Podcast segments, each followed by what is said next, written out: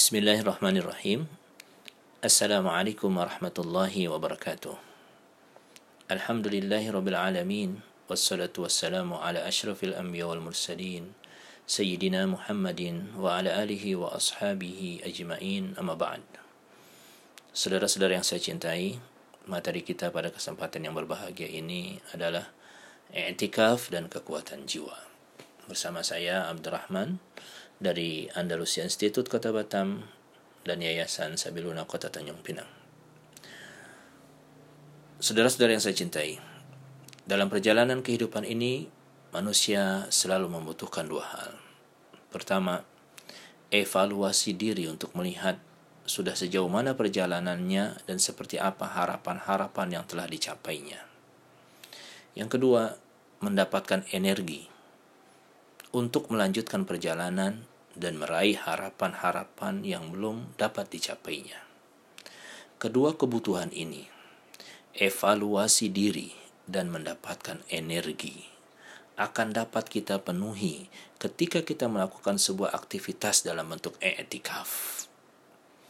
Inilah rahasia mengapa i'tikaf menjadi sebuah aktivitas yang tidak pernah ditinggalkan oleh baginda Rasul Shallallahu Alaihi Wasallam sejak pertama kali disyariatkan puasa hingga beliau wafat Shallallahu Alaihi Wasallam. Maka dalam rangkaian ayat-ayat amaliyah puasa yang Allah Subhanahu wa taala sebutkan dari ayat 183 sampai 187 dalam surah Al-Baqarah Etikaf menjadi salah satu amalan yang diprioritaskan untuk dilakukan di 10 terakhir bulan Ramadan. Dalam kaitan fungsi evaluasi diri, sesungguhnya waktu etikaf adalah momen yang sangat tepat untuk kembali merekonstruksi perjalanan hidup kita untuk satu tahun ke depan. Karena di saat inilah kita terlepas dari segala aktivitas dunia dan konsentrasi melakukan ibadah serta kita melakukan perenungan-perenungan perjalanan hidup. Karena antara aktivitas takarub kepada Allah Subhanahu wa taala aktivitas ibadah yang intensif kepada Allah Subhanahu wa taala dan perenungan-perenungan diri memiliki kaitan yang sangat erat yaitu bahwa ketika manusia melakukan ibadah yang intensif akan memiliki kelembutan-kelembutan jiwa.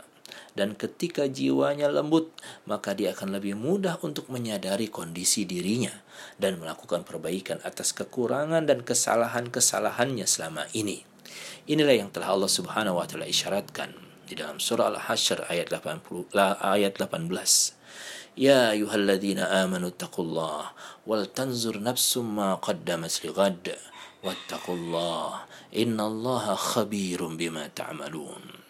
Wahai orang-orang yang beriman bertakwalah kepada Allah. Dan hendaklah setiap orang memperhatikan apa yang telah dipersiapkan untuk hari esok. Dan bertakwalah kepada Allah. Sesungguhnya Allah maha teliti terhadap apa yang kamu kerjakan.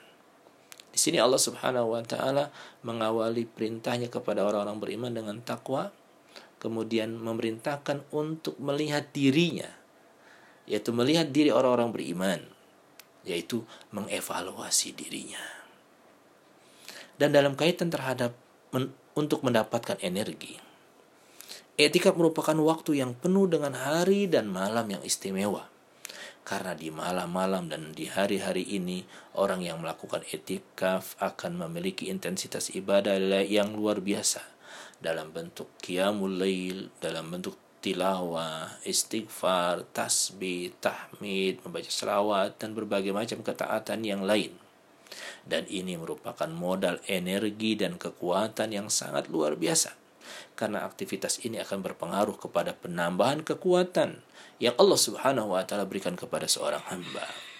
ويا قوم استغفروا ربكم ثم توبوا إليه يرسل السماء عليكم مدرارا ويزدكم قوة إلى قوتكم ولا تتولوا مجرمين Wahai kaumku, mohonlah ampun kepada Tuhanmu dan bertaubatlah kepadanya. Niscaya dia menurunkan hujan yang sangat deras atasmu dan dia akan menambahkan kekuatan kepada kekuatanmu dan janganlah kamu berpaling dengan berbuat dosa. Surah Hud ayat 52. Saudara-saudara yang saya cintai, dalam bahasan para ulama, salah satu alasan mengapa Rasul Shallallahu Alaihi Wasallam dan para sahabat radhiyallahu anhum ajmain begitu sangat semangat dan antusias melakukan etikaf, yaitu dalam rangka meraih Lailatul Qadar. Karena kaitan antara etikaf dan Lailatul Qadar begitu sangat erat dari sudut pandang anugerah dan waktu. Dari sudut anugerah, Lailatul Qadar merupakan sesuatu yang sangat berharga yang harus diraih dan didapatkan. Karena malam ini lebih baik daripada seribu bulan. Sedangkan dari sudut waktu, Lailatul Qadar merupakan momen yang harus diisi karena malam itu adalah malam yang diistimewakan dari malam-malam yang lain. Di antara keistimewaan yang Allah Subhanahu wa taala berikan kepada kaum muslimin pada malam itu adalah malam penentuan takdir-takdir manusia untuk satu tahun ke depan.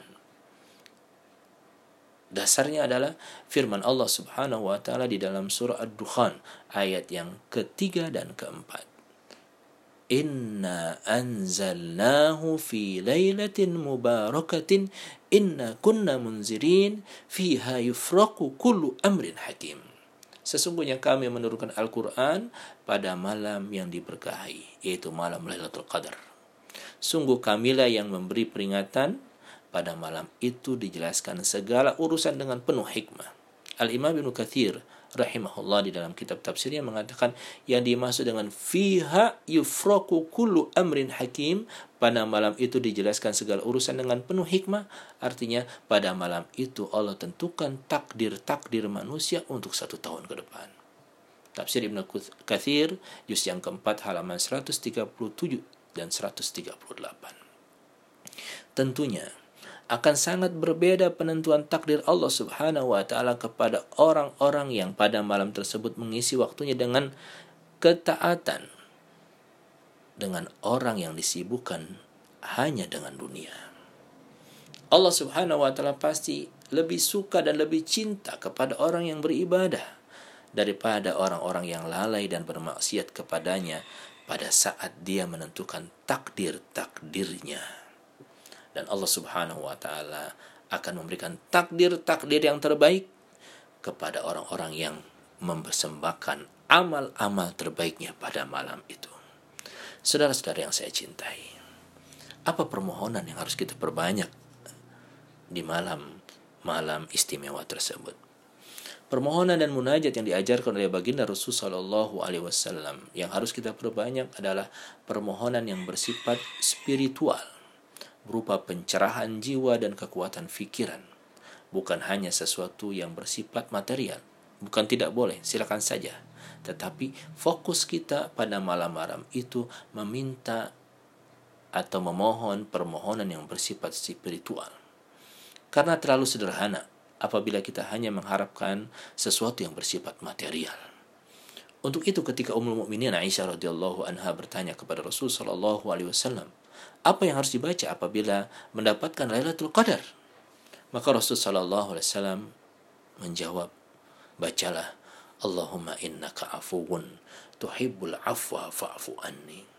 Wahai Aisyah, bacalah doa ini. Ya Allah, engkau lazat pemberi ampun dan maaf. Maka ampuni dan maafkanlah aku. Hadis riwayat Imam Ahmad Imam At-Turmuzi dan Imam Ibnu Majah rahimahumullah taala. Ketika seseorang mendapatkan ampunan, maka ia akan mendapatkan kejernihan dan pencerahan jiwa. Hal inilah yang akan melahirkan jiwa-jiwa yang sensitif yang selalu mengevaluasi diri dan meraih energi-energi dari Allah Subhanahu wa taala. Selamat mendapatkan sallallahu alaihi Muhammad wa alihi Assalamualaikum warahmatullahi wabarakatuh.